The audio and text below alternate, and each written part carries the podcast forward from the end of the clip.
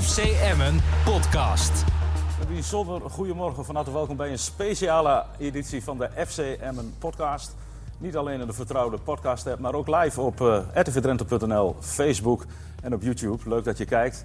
Het is niet alleen speciaal uh, omdat we hier met z'n allen bij elkaar zitten, maar ook omdat Dick Lukien vandaag aanwezig is. Dick, uh, van harte welkom. Het lijkt een beetje traditie te worden dat jij vlak voor kerst er bent. Het is misschien ook een beetje traditie dat je de wedstrijd ervoor dan met 2-0 verliest. Hè? Want vorig jaar was het Willem 2, 2-0. Gisteren Groningen. Voelt dat ene verlies nu nog anders dan het andere verlies? Nee, verliezen geeft altijd een uh, slecht gevoel. Um, alleen die wedstrijd van gisteren kan ik wel redelijk snel afsluiten. Omdat ik vond dat dat helemaal verdiend was. Uh, en wij gewoon niet goed genoeg waren om daar iets te halen. Ja, en dan gaat het leven ook gewoon door. Uh, en, en dus, dus slaap jij ook lekker vannacht? Nou, lekker slapen doe ik nooit na een wedstrijd.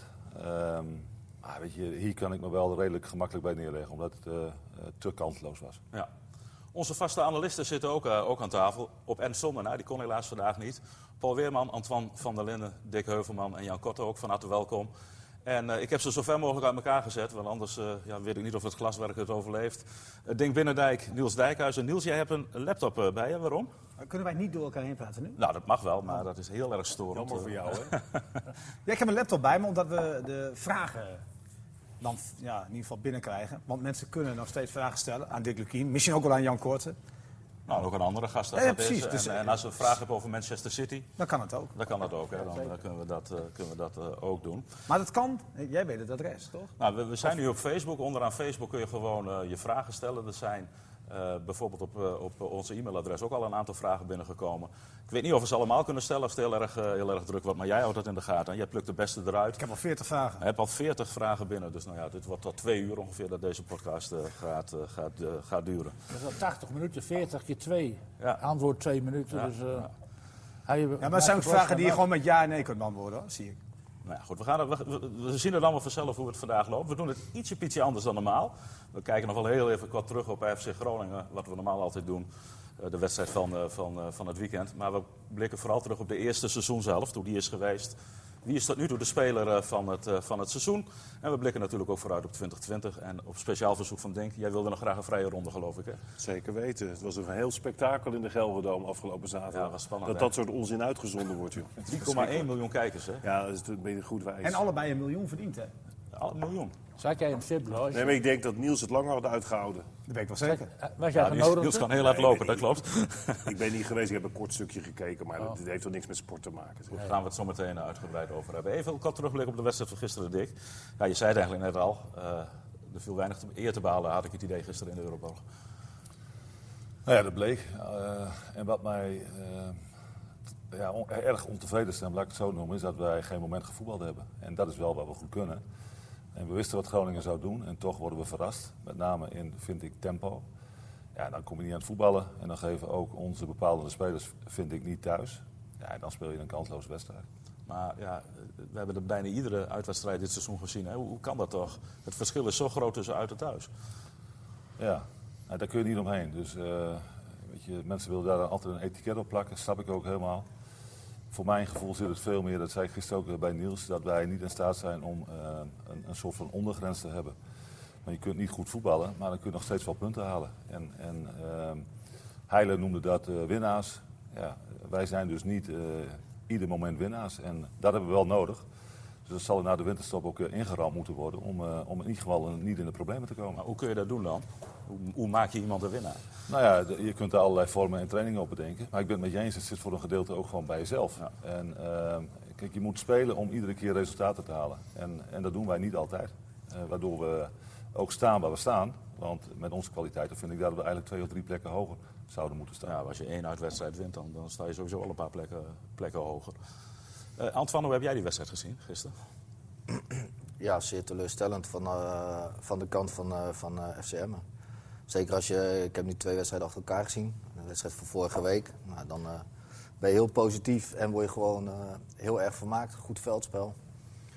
veel beweging. En gisteren was het, nou ja, wat Dick eigenlijk zegt. in de eerste helft denk ik één, twee momentjes gelijk een diepe bal wat gevaarlijk was. En ook een keer een fout bij, bij Van Kaam die overigens prima speelde. Uh, waardoor een gevaarlijke situatie. Maar voor de rest, ja, was het gewoon heel, heel mager. En uh, dan, dan kijk je er wel naar van, hoe kan dat? Want het verschil, net, nou, wat, wat Dick zegt, dat is gewoon zo enorm groot uit en thuis. jij was volgens mij vroeger wel een voorbeeld van een winnaar in het veld. Uh, hoe Ja, ga je dan met... ja, nou, wat, is, wat is winnaar? Ik Nou, wat is een ook- eh, nou ja, weet ik, voor mij was het wel anders, want ik was zo'n type speler dat als ik wist dat ik, als ik geen strijd en eh, vechtlust toonde, dan bleef er voor mij sowieso weinig over. Dus dat was voor mij ook, dan wist ik over, nou, als ik dat niet doe, dan, eh, dan had ik ook nooit gespeeld, zeg maar. Ja. Dus ja, dan. Maar net zo bijvoorbeeld een Peña bijvoorbeeld, ja, dat is wel een speler die, gewoon, eh, die heeft ook gewoon heel veel talent. En eh, ja, dan zie je in een wedstrijd als gisteren zie je wel flitsen van hem met af en toe een hele mooie paas in één keer. eh, maar dat is gewoon wel te weinig. En als we het over talent hebben, dan komen we heel snel bij Paul Weerman terecht. Eh, Paul, met je verfijnde techniek vroeger, hoe zou jij gisteren in het veld hebben gestaan? Nee, maar goed, kijk, winnaars, eh, wat, wat Dan ook zegt, van, wat, wat is een winnaar? Ik denk dat een winnaar, die, die, die staan op als het slecht gaat. Kijk, als het goed gaat, als, het, eh, als, als we bij thuiswedstrijden, dan gaat het goed. Ja, dan zijn ook dat soort spelers, iedereen gaat mee en dan, dan, dan willen we graag. Alleen ik denk dat winnaars juist opstaan als het niet goed gaat. Als je, als je, als je elkaar nodig hebt, ja, dan moeten er bepaalde jongens opstaan. Ja. En dat, dat heb je gisteren natuurlijk absoluut niet gezien. En niet, gaat niet alleen- alleen maar, maar meerdere jongens niet. Eigenlijk heeft niemand opgestaan. En, ja, als het slecht gaat, zul je moeten opstaan, want anders dan, eh, ga je geen wedstrijden winnen. Maar waarom kan het thuis wel en uit niet, hè? Ja, nou, als ik dat geweten had, dan, eh, ja, dan had ik Dick een paar weken geleden al gebeld. van, joh, ja. eh, dit is het probleem, eh, hier moet je het aan doen. Maar ja, dat is altijd iets, het is ook iets ongrijpbaars, denk ik. Ja. We hebben het ook wel vaker over die uitwedstrijden gehad natuurlijk. Ik denk dat we zonder niet al te lang, lang bij stil blijven staan. Maar het verschil in doelpunten zie je ook wel terug. Hè? Want thuis heb je 16 keer gescoord, uit maar 4 keer. Zegt ook wel iets. Ja, nee, maar goed, punten, doelpunten, dat is allemaal exemplarisch. En, eh, en wij, zullen daar, wij zullen dat moeten veranderen. Ja. Want nogmaals, het Twan, we hoorden dat vorige week bij jullie heel mooi. Dan komt er altijd, zijn er momenten in een seizoen, een twee, drie, vier keer, dan, dan moet je echt thuiswedstrijden winnen. En dat doen we tot nu toe, dus dat is ook wel weer een compliment waard. Maar dat kan ook een keer niet lukken. Ja. en dan zit je volop in de problemen. En dat willen we voorkomen. Dat moeten we ook voorkomen, gezien de kwaliteit die we hebben. Eh, dus wij, wij moeten dat eh, ja, gewoon doen, eigenlijk. Jan, hoe heb jij die wedstrijd eh, gisteren bekeken tegen, eh, tegen Groningen? Nou ja, totaal geen derby-sfeer. hè. Je, je gaat eigenlijk naar het stadion en denkt van eh, twee noordelijke clubs tegen elkaar, dan zie je strijd en passie. Ehm, dat heb ik wel gemist. Eh, aan de andere kant eh, zit winst en verlies ook wel heel dicht bij elkaar. Want eh, Emma heeft toch wel een aantal kansen gehad. En er was een periode dat Groningen even wat, wat minder presteerde. Maar ja, voor hetzelfde geld scoort Arias en scoort De Leeuw en scoort Ugrinic. Ja, dan zitten we hier weer heel anders te praten. En daarmee wil ik niet zeggen dat, eh dat Emma het goed doet in uitwedstrijden. Maar er zijn toch wel een aantal mogelijkheden geweest. En, en daarom winst en verlies ligt soms zo dicht bij elkaar. En ik vind, eh, ja, weet je, 18 wedstrijden, eh 18 punten. Eh, je- je staat gewoon op, een- goede plek. Dus ik vind dat je positief moet blijven. Nou, dat gaan we ook zeker doen, daar komen we zo meteen op terug. Dick Heuvelman, jij hebt eh, gisteren speciaal de wedstrijd van Vaco af laten lasten, hè, dat je die wedstrijd kon zien. Uiteraard, voor, Ja. voor zo'n derby moet dat zeker. Ja, ja, is dat dan lastig? Scheelt een hoop publiek namelijk. Ja, ja, absoluut. En, en heb, je, heb je dan contact met de of hoe gaat het? Of bel je gewoon van, Nee, ons gaat gewoon niet de, door? de consul zegt afkeuren. Afkeuren. nou, ja, dat, is, eh, dat is dan ook eh, dat is de invloed Niels, aan die Heuvelman, Heuvelman heeft. Was ik zelf de consul. Mag- ik... eh, Ja, ja, ja, heb, heb je een vraag? Nou, nee, nou, ja, ik heb ook vragen. Ja. Maar, maar 18 wedstrijden in 2019 thuis, Ja. 8 punten. En, of dat zijn, eh, dat Ja. dus 8 punten. Thuis, 17 wedstrijden, 31 punten. Dat is eigenlijk alles zeggen natuurlijk. Ja. Dat betekent dat Emmen, als je dus die balans doortrekt, dat je nog 16 of 15,5 punt pakt. Nou, dat kan niet, hè? Dat is ronden we af naar boven. 16 punten in de tweede seizoen zelf op eigen bodem. En op vreemde bodem 1. Heb je 17, heb je 35. Ga je het dan halen, Dick? Ja. ja, dat denk ik wel. Ja, je hoeft eigenlijk al niet meer te spelen, begrijp ik. Nee, maar goed, als je dit dus vasthoudt, eh, heb je 35 punten te pakken aan het eind van de, van de rit. Ja. Ja, maar is Ja, dat. Je moet gewoon uit eens een keer per punten gaan pakken. Wat is het? Dat, zo'n rekensom slaat Nee, ben er zelf, maar dat, maar dat is, eh, dat is rekensom. Dat is, Dit zijn de feiten. Hè? Want Je je, bent hebt echt dus een- 9 Hij is punten. een theoriejournalist geworden. Ja. Ja, maar ik heb ook niet voor Laptop- niets. Laptopjournalist. Laptopjournalist. Maar, maar mag ik een vraag stellen? Ja, dat- dat Want mag, die ja, ja. mensen die... die, die Dat doe je al, hè? Ja. eh, ja, precies. En uh, dus komen over transfers natuurlijk, wat er allemaal nog gaat gebeuren. Maar even teruggaand, eh terugkomen op die wedstrijd van gisteren. Eh, wordt hier vraag gesteld. In tegenstelling tot Sparta was Groningen zo slim om het opkomen van Bijl eh, te neutraliseren. Aan de andere kant stond Groningen met de snelste spelers, Asoro en Zeefuik, tegenover onze minst snelle spelers. Waarom heeft Dick niet direct ingegrepen? Wie stelde die vraag trouwens? Oh, dat moet erbij. Dylan Idema. Oké. Nou ja, tegen Dylan zou ik willen zeggen, eh, dan heeft hij over Sierhuis denk ik, hè, vind ik niet een snelle speler. Ehm, we hadden ook afgesproken dat wij ongeveer met 20, 25 meter in onze rug zouden spelen. Dus die diepte was, vond ik niet het probleem. Eh, want ik heb Asoro en Sierhuis in de eerste helft sowieso niet gezien. In de tweede helft maakt Sierhuis twee goals. Maar dat is één uit het moment waar ehm Araujo gewoon beter moet verdedigen. één tegen één voor de goal. Niks met diepte te maken. En de tweede is uit een vrije bal. Dus het probleem zat niet in de diepte bij de spitsen. Het probleem zat, vond ik, in onze, hoe wij op het middenveld verdedigd hebben. Dus Van Kaam en, uh, en Roestic met name. Die hadden veel te veel vrijheid. En, uh, en daardoor kwamen zij aan het voetballen. En tegelijkertijd uh, hadden wij ook wel ruimte om te spelen. Maar hebben wij ook heel slordig aan de bal gehandeld. En, en daardoor kom je nooit in een ritme. Ja, en, en dan speel je in een wedstrijd zoals die is geweest. Ja. Jij noemde gisteren eigenlijk ook uh, feitelijk. Nou ja, je hebt twee man genoemd hè, die je oké okay vond. Ja. Bel en, en Telgekamp nog. Ja. En natuurlijk uh, snap ik ook dat Bijl redelijk uh, geneutraliseerd is. Want Glenn is normaal veel meer in het opkomen dan dat hij gisteren heeft gedaan. Maar als je het hebt over gewoon je tegenstander aan banden leggen verdedigend. Want hij is verdediger.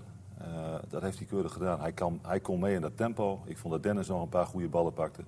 En voor de rest denk ik dat iedereen uh, uh, ondersneeuwde bij, uh, bij Groningen. Ja, en dat is voor mij, wat mij betreft niet goed. En denk jij, het was niet zo ver van makkelijk geloof ik gisteren. Hè? Nou, dat, was een heel makkelijk. excuus. Want ik bedoel, over het algemeen wel redelijk voor. Maar de eerste helft weet je telkens dan van die flauwe overtredingjes meteen weer bestraffen. Ja, maar de allereerste deed hij niet, hè? Want toen nee, Lausen erdoor ging, wel, liet hij doorspelen. Wel zwaaien naar kaarten weer voor spelers van Emma. Maar ik heb ook een vraag voor Dick.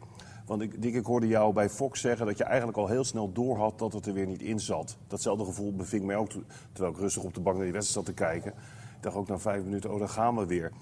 Is het nou, uh, en er zitten nog wat meer trainers hier aan tafel, is het nou dan heel lastig om, als je dat in het begin uit je vingers ziet glippen, om dat nog bij te stellen? Want je zou kunnen zeggen, zeg even tegen Chacon, ga even liggen, simuleren blessure, kan ik even weer die gasten bij me roepen? Is, ja, is maar, dat, is... maar, maar, dat was niet nodig, want eh, kijk, beide ploegen wisten van elkaar wat ze zouden gaan doen. Uh, en als je dat weet, dan gaat het om uitvoering. Dan gaat het om kwaliteit in die uitvoering. En, en dan hoop je, als het in het begin uh, niet goed uitpakt, dat dat zich gaat herstellen. Uiteraard met de spelers die we hebben. Want ik, ik stel altijd, of in ieder geval begin ik met de elf waarvan ik denk dat ze de meeste kans hebben om te winnen. Vorig jaar was ook zo'n wedstrijd. werden we ook een half uur lang overlopen in tempo. En uiteindelijk ging die storm liggen en kwamen wij aan het voetballen. Daar hoop je op als trainer. Alleen dat is gisteren niet gebeurd. Wij bleven ongelooflijk slordig. We hadden wel een fase, vind ik, na de pauze, na de 1-0, dat we wel iets beter gingen spelen. En aan het eind uh, memoreert Jan nog aan de kansen die we heel kort achter elkaar kregen. Maar uiteindelijk overal niet goed genoeg en, uh, en dat is gewoon zonde. En maar wat ik nou niet begrijp is dat jullie, en je ziet het in het begin misgaan, de druk van Groningen is, is behoorlijk. Dat er, en je hebt zoveel ervaring in je ploeg, de hele as is ervaren. Met Penja, met IRJ, uh, Heilen, de Leeuw, dat zijn ervaren spelers. En die kunnen dat niet op, zelf opvangen. Dus dat ze rustiger aan de bal zijn. Nee, maar uiteindelijk is dat ook vormdik. Kijk, de Leeuw was gisteren ook heel onrustig. Ja. Ja. En dan kom je dus niet aan het voetballen. En maar hoe kan het dan met zulke ervaren spelers? Nee, maar dat, dat, moet, je, die moeten toch... Ja, zo... maar, maar dat, dat zie je toch veel vaker gebeuren. Uh, Ao Sal is ook een hele ervaren speler. Raakt vorige week geen pepernoot in Emmen. En, en schiet nu uh, Sparta na een 3-0 overwinning tegen... Uh, tegen AZ, een van de beste clubs op dit moment. Ja, er zijn meer ploegen die uh, niet stabiel zijn. En daar zijn wij er eentje van. Ja. Maar is dat, is, dat, is dat vorm, Dick? Want eigenlijk in een week tijd, de vorm verliezen is natuurlijk wel heel gek. Ja, maar wat is vorm? Kijk, ja. uh, gewoon doen. Ja. Gewoon doen. We hebben ook wel eens gezegd tegen elkaar, dit is misschien ook gewoon emmen. He, nou, dat zei Dick ook. Nee, maar precies. 18 punten uit 18 wedstrijden. Uh, je ziet die ups en downs ook bij die andere clubs in de Eredivisie. Elke keer weer de kop opsteken. Dat je, onverklaarbaar soms. Ja. Wat ik wel nog even wil zeggen... En dat heb ik al een paar keer ook in deze podcast gezegd. Ik word wel een beetje heel erg moe, nerveus en ik begin me ook een klein beetje te irriteren. Dat ze voor die wedstrijd in zo'n kringetje gaan staan. En dan met dat kom op, kom op. En dat, dat moet Emmen niet meer doen. Doen ze bij Staphorst ook, hè? Ja, maar dat, dat moet de Staphorst vooral doen. Maar Emmen moet dat niet meer doen. Je moet gewoon je eigen verantwoordelijkheid pakken. Gewoon dat veld oplopen. Niet ook die handjes geven. Want doen, ze, doen, doen ze dat uit eigen initiatief? Uh, ja. ja. Dat is, dat, ja, maar, maar, weet je, dat is natuurlijk... Uh, mode. Kijk, dat, ja. ja, mode. Maar je moet niet meedoen aan de mode. Je moet gewoon winnen. Dat doet Niels ook ja, Ik doe daar, altijd mee aan de oh, mode. Oh, okay. maar daar zit het voor mij niet in. Het, het zit puur in, in, uitvoering en iedere keer ons ding doen. Je hoort mij ook heel vaak zeggen, laten we in godsnaam doen wat we kunnen. We kunnen heel aardig voetballen. Alleen, wij zijn nog niet in staat om dat iedere week op de mat te leggen. Maar de vraag is, wat ga je eraan doen in het tweede seizoen zelf? Want je, ik neem aan dat je er dagelijks mee bezig ja. bent om dit uitsyndroom proberen op te lossen. Ja. En tot dusver is het niet gelukt. Nee. Nou, maar, maar nou hebben we de tijd om rustig alles te overdenken. Wat ben jij nou van plan om dat te veranderen? Nee, maar dat ga ik ook met de jongens nu, bes nu bespreken. Kijk, uh, in de winterstop uh, heb je ook tijd, zit je in trainingskamp, kun je uh, ook bij een groepsgesprekken wat doen. Maar ook daar geldt, het gaat niet om praten, het gaat om doen. En het is volgens mij heel simpel, je moet doen wat je kunt. Ja, en, en dat jullie het iedere keer over een uitwedstrijd hebben, dat begrijp ik wel, omdat we daar heel weinig punten pakken. Maar je gaat mij toch niet wijsmaken dat dat zit in het feit dat wij thuis eh, ons beter op ons gemak voelen. Nee. Nee, want ik heb zo'n Peña, die, die speelde all over the world. Ik kan me niet voorstellen Precies. dat hij buiten Emmen zich anders eh, zou gedragen mentaal dan op de Meerdijk. Dus Nee. hoe kan het dan dat die jongen inderdaad in de uitwedstrijden toch niet functioneert, over het algemeen? Ik heb geen idee, Dick. Je hebt geen idee. Ja, wat wel ook natuurlijk. Het denkt Binnendijk Maar ik, je moet niet te veel de nadruk op eh, Peña leggen. Want eh, eh, ik vind Peña een hele goede voetballer. Vind Dick ook. Vind iedereen. Eh, maar je bent wel afhankelijk van je medespelers. En als die geen eh, lef tonen en eh, eh, op, op het juiste moment uit de dekking komen... of diep of in de bal... Of, eh, weet je, als je spelverdeler bent, dan ben je wel afhankelijk van. Hè? En, en, en hij had gisteren ook te veel balverlies. Maar ik weet het niet alleen aan hem. Nee, maar, maar bij hem is het natuurlijk wel zichtbaar eh, hoe groot het verschil is in één week tijd. Ja. En, en met name bij hem. Dus ik snap wel dat Dick hem even opvoerde na afloop. Jawel, maar als Ik je ook bijvoorbeeld ziet hoe... En dan hebben we het over een jongen van eh, eh, 19 jaar, eh, Daniel van Kamer. Ja, maar die zit wel in een goede flow, hè? Die zit Ja, maar net die- aan die goede kant van Ja, want het is wel zijn debuut. Maar als je ziet hoe hij, wat hij allemaal aan het doen is om in balbezit te komen. En je zet het af tegen nou, de spelers van Emmen. Op het moment dat die de bal hebben. En het is soms zo onrustig dat ze niet eens aan het voetballen toe kunnen komen. Ja. dat, je mag wel meer verwachten. Ja, maar dat zagen we dus vorige Ja, week wel. eh, maar ook, inderdaad, ook van een, van een Tom Hirarier, wat eh, een ervaren speler is. Eh, en een Chacon ondertussen. eh, Ja, op maar dat was wel opvallend. Dat, dat veel spelers die ook eh, een band hebben met FC Groningen... ik vond ze tam spelen. Eh, met respect. Ja, precies. Want weet je wat ik al zag in het begin? Als er dan een overtreding gemaakt werd door iemand van Emmen... dan stonden die gasten van Groningen meteen te vragen om een kaart. Waar ik totaal niet van hou. En als er een Emmen-speler eh, onderuit geschopt werd... dan kon die Emmen-speler niet snel genoeg een handje geven aan die speler van Groningen. Niks aan de hand, lekker. We zeiden precies hetzelfde. Want toen Collard op een gegeven moment schreeuwde toen hij viel, toen kreeg hij de vrijheid. Maar jongens, is het nou niet zo dat... eh, want we constateren eigenlijk al dat in de hele eredivisie... even los van een paar top, betere clubs... dat al die clubs heel wisselend presteren. eh, om wat voor reden dan ook. Is het nou niet zo dat Emmen toch heel duidelijk een leider mist... En ik ga niet over Anker Jansen beginnen, maar dat is wel een type die op een gegeven moment wel dingen naar zijn hand zet. Want we hebben het eerder meegemaakt met 11 tegen 10. In de pupillen D1 was in mijn tijd nog, leerde je al dat als je met een man meer speelt, houdt veld vooral heel erg groot. Zodat je de bal naar elkaar toe kan spelen. En ook zag je dat Emma alleen maar aan het teruglopen was. En je ziet vaker, zoals gisteren ook, als het in het begin dan niet goed gaat, dat er niet iemand is die zegt van... Kom op, herpak je. Want ik vond Michael de Leeuw, je weet dat ik een enorm groot fan van hem ben. Die vond ik gisteren in de eerste helft volstrekt onzichtbaar. Zowel in woord, gebaar als in daden. Dat viel me echt Dat is op. niet de enige hoor. Ja, ik denk, ik denk dat, dat, dat, je, dat je dat kan beamen. En je mist Anko natuurlijk eh, enorm. Misschien wel het meeste toen tegen RKC. Ja, maar we missen Anko altijd. Kijk, Anko is een- voor ons een geweldige speler. Die heeft ook vorig jaar laten zien dat hij bepalend is voor het rendement. Dus eh, ja, maar die missen we. Maar we missen ook Nick Bakker. Ja. Ook voor ons een hele belangrijke speler. Daar, daar moet je het volgens mij, en dat doen we ook, vind ik goed, daar moet je het ook niet te veel over hebben. We hopen dat ze snel terug zijn. Ehm, wij moeten gewoon eh, eh, doen wat we kunnen. Dat, dat blijf ik herhalen. En, en als we dat doen, dan kunnen wij ook in uitwedstrijden punten halen. En dat die discussie nu eh, blijft, ja, dat hebben we aan onszelf te danken. Alleen, we moeten dat ook niet geforceerd gaan doen. Over, overal hebben we 18 punten en staan we 14e. Ja. Kijk je naar het kalenderjaar, denk ik dat dat, dat, dat oké is. Ja, want wat is het gevoel na de eerste seizoen zelf? Dubbel? Nou ja, dat we beter kunnen. Dat we, vind ik, eigenlijk te weinig punten hebben. Eh, en we zijn nog wat wisselvallig geweest in presteren. Maar dat is ook logisch. We hebben 15 nieuwe spelers in moeten passen. Dat is eigenlijk wel redelijk eh, gegaan. Eh, maar de wedstrijden tegen Feyenoord en tegen RKC, die, eh, als je daar gewoon aan het eind bij de les blijft, heb je vier punten meer. En dan zitten we hier waarschijnlijk met een ander gevoel. Maar ik zit hier met een gevoel dat we nog beter kunnen. Dat we geen punten hebben gestolen. Ehm, dat we bezig zijn aan een moeilijke jaar in de Eredivisie, het tweede jaar. Ja, dat betekent volgens mij dat we op de goede weg zijn. En, eh, en daar hou ik mij aan vast. En ik hou me vast aan wat ik op het trainingsveld zie. Dat is gewoon kwaliteit. Ja. Ja, Is, is het klaar eigenlijk? Met deze groep? Of wil je er wat bij hebben? Want die vraag krijg ik veel trouwens hoor. Ja, je, wilt, je probeert altijd wat erbij te krijgen. Eh, En we kijken ook wel om ons heen. Maar het is wel zo dat we tevreden zijn met wat we hebben. En eh, ja, dat, dat dit eigenlijk de groep is waar we het mee gaan doen. Ja, mis je nog iets?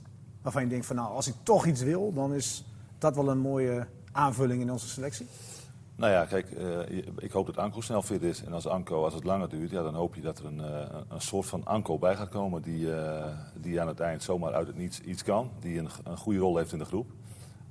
We snappen natuurlijk ook allemaal dat dat heel lastig is. Nou jongens, even voordat we nou heel triest gaan zitten doen. Nee, het is niet Eh, triest. nee, ik maar bedoel, de, nee, maar de, wat de nog, vaste luisteraar die weet dat ik het niet altijd met Niels eens ben. Eh, maar wij zijn het wel met elkaar eens als het gaat om hoe Emmen in zijn totaliteit presteert. En met name ook hoe Dick Lukien eh, eh, als trainer functioneert bij Emmen. Hè, wel- en ik, dat mag ik ook wel namens alle andere panelleden zeggen. Zeker. Dat ik vind dat hij het gewoon supergoed doet. Dat hij altijd de club goed uitdraagt. Dat hij reëel is. Dat hij precies altijd zegt hoe de wedstrijd geweest is. Dat is niet alle trainers gegeven, kan ik je vertellen. Als Waar je zijn we het niet eens over dan? Nou ja, nee, maar ik bedoel, we zitten nou een beetje heel erg van alsof we allemaal in mineur moeten zitten. Nee, zeker niet. We hebben het Eh, alleen over die wedstrijd van gisteren gehad. Hè? Ja, goed, Niet maar dat, overal. Maar want- dat is natuurlijk wel een wedstrijd die telkens in die uitwedstrijden terugkomt. En ik denk dat als je terugkijkt op de eerste seizoenshelft... en het tweede seizoen is inderdaad vaak heel lastig voor een team dat daarvoor eh, gedebuteerd heeft Nou ja, in het, is, het is Eredivisie. met name die 15 nieuwe spelers natuurlijk. Ja. Daar zit je mee. Alleen, nou ja, alleen wanneer, wanneer, is- wanneer ben je door die eh, fase Niels- heen waarvan Niels, je denkt van... We hebben ook gezegd dat als Emmen twee keer had gewonnen, hè, extra uit... dan zouden ze bijna voor, eh, om de negende plaats nog... Nee, maar zo simpel is het ook. Ja, Ja. Ik wil even naar Paul toe. Paul, eh, van welke wedstrijd heb je het meest genoten dit eh, eerste, eerste seizoen Oh, zelf? thuis heel veel, eh, heel veel mooie wedstrijden gezien. Maar goed, het is net wel even over die, over die 15 nieuwe spelers. Eh, dat, dat, tuurlijk is dat zo, dat, dat, dat heeft tijd nodig. Maar dat heeft ook wat te maken met kwaliteit. Kijk, ik denk als een, een, een, een Peña, dat is een kwaliteitsspeler. Ja, die staat er na 1, 2, 3 weken, dan staat hij er omdat hij kwaliteit heeft. Dus ik denk dat dat, het is wel, tuurlijk, je moet ook als groep zijnde eh, naar elkaar toe werken. Je moet elkaar leren kennen. Maar het heeft heeft wel echt, heel erg met kwaliteit te maken, denk ik. En, en eh, ja, goed, Maar de... goede voetballers. Hè? dat Die- bedoel die ik. elkaar snel kennen. Hè? Dat, dat bedoel ik ook. Dus dat heeft niet alleen maar met, met tijd te maken. Dat heeft ook met kwaliteit te maken. Want er zijn natuurlijk 15 nieuwe spelers. Maar van die 15 zitten er ook eh 10 die er niet bij zijn. Dus dat heeft ook te maken met kwaliteit. Maar welke wedstrijd denk je het eerst aan terug? Ja, ik, ik heb, ja, vorige week vond ik heel goed. Maar nogmaals, ik vind het, eh, thuis heb ik heel veel mooie wedstrijden gezien. Maar ook gewoon eh, ook wedstrijden met een hoge, hoge kwaliteit. Eh, aan de bal, eh, goed verzorgd voetbal. Eh, ja, dat zag er allemaal prima uit. En ik, ik denk dat het eh, ja, uit speel je, of thuis speel je denk ik een 8 over het hele seizoen. En uit speel je denk ik een 3 over het hele seizoen. Ja, dan kom je op een, kom je op een 5,5. Ja. kom je op een krappe voldoende. En, en zonder negatief, maar ze staan gewoon op de plek waar je uiteindelijk ook wil staan. Dus daar laten we dat ook niet vergeten. Nee. Eh Antoine? Ja, thuiswedstrijden. eh, Het is genieten eigenlijk. eh, Ja. Wat we vorig jaar nog wel eens hadden. Nou ja, Dat- ook, dat maar het- ook wel, eh, ik heb echt, eh, nou, bijvoorbeeld Herenveen thuis vond ik echt goed. Vitesse thuis, Sparta thuis. Maar ja, we halen ook Feyenoord aan en PSV en zo. Maar dat zijn ook fases. Dan kan je in de eerste helft kan je ook gewoon eh, binnen 20 minuten 3-4-0 achter staan. Tegen Feyenoord En dan blijf je 2-0, wel in de wedstrijd. En dan zie je ook wel, in die thuiswedstrijden zie je dan in één keer het verschil in één keer. Dan zie je in één keer, eh, eh, vaak in de tweede helft, in één keer het beeld veranderen. En dan kan Emma prima partij eh, bieden, zeg maar. Dus eh, ja, dat is gewoon eh, eh, het manco een beetje van, van Emma op dit moment. Maar heb je een verklaring echt goed voor dat, dat vorig seizoen ging het thuis moeizamer vaak Ja. dan dat het uitging, heel lang. En nu is het thuis een onneembare vesting bijna. Ja, ja met, thuis natuurlijk ook. nou, je, zet een reeks, je zet een reeks neer. Dat was vorig jaar ook, eh, hè? de sfeer. Je hebt goede resultaten thuis gehaald, dus dat geeft ook altijd go- het, go- het goede gevoel natuurlijk. Dat had ik in mijn tijd bij Groningen ook, zeg maar. Dat wisten we als we thuis speelden over het algemeen van nou... Moet de ploeg echt van goede huizen komen. Wil je, wil je van ons komen, kunnen winnen in eigen huis, zeg maar. Nou, dat zal Emma op dit moment ook hebben.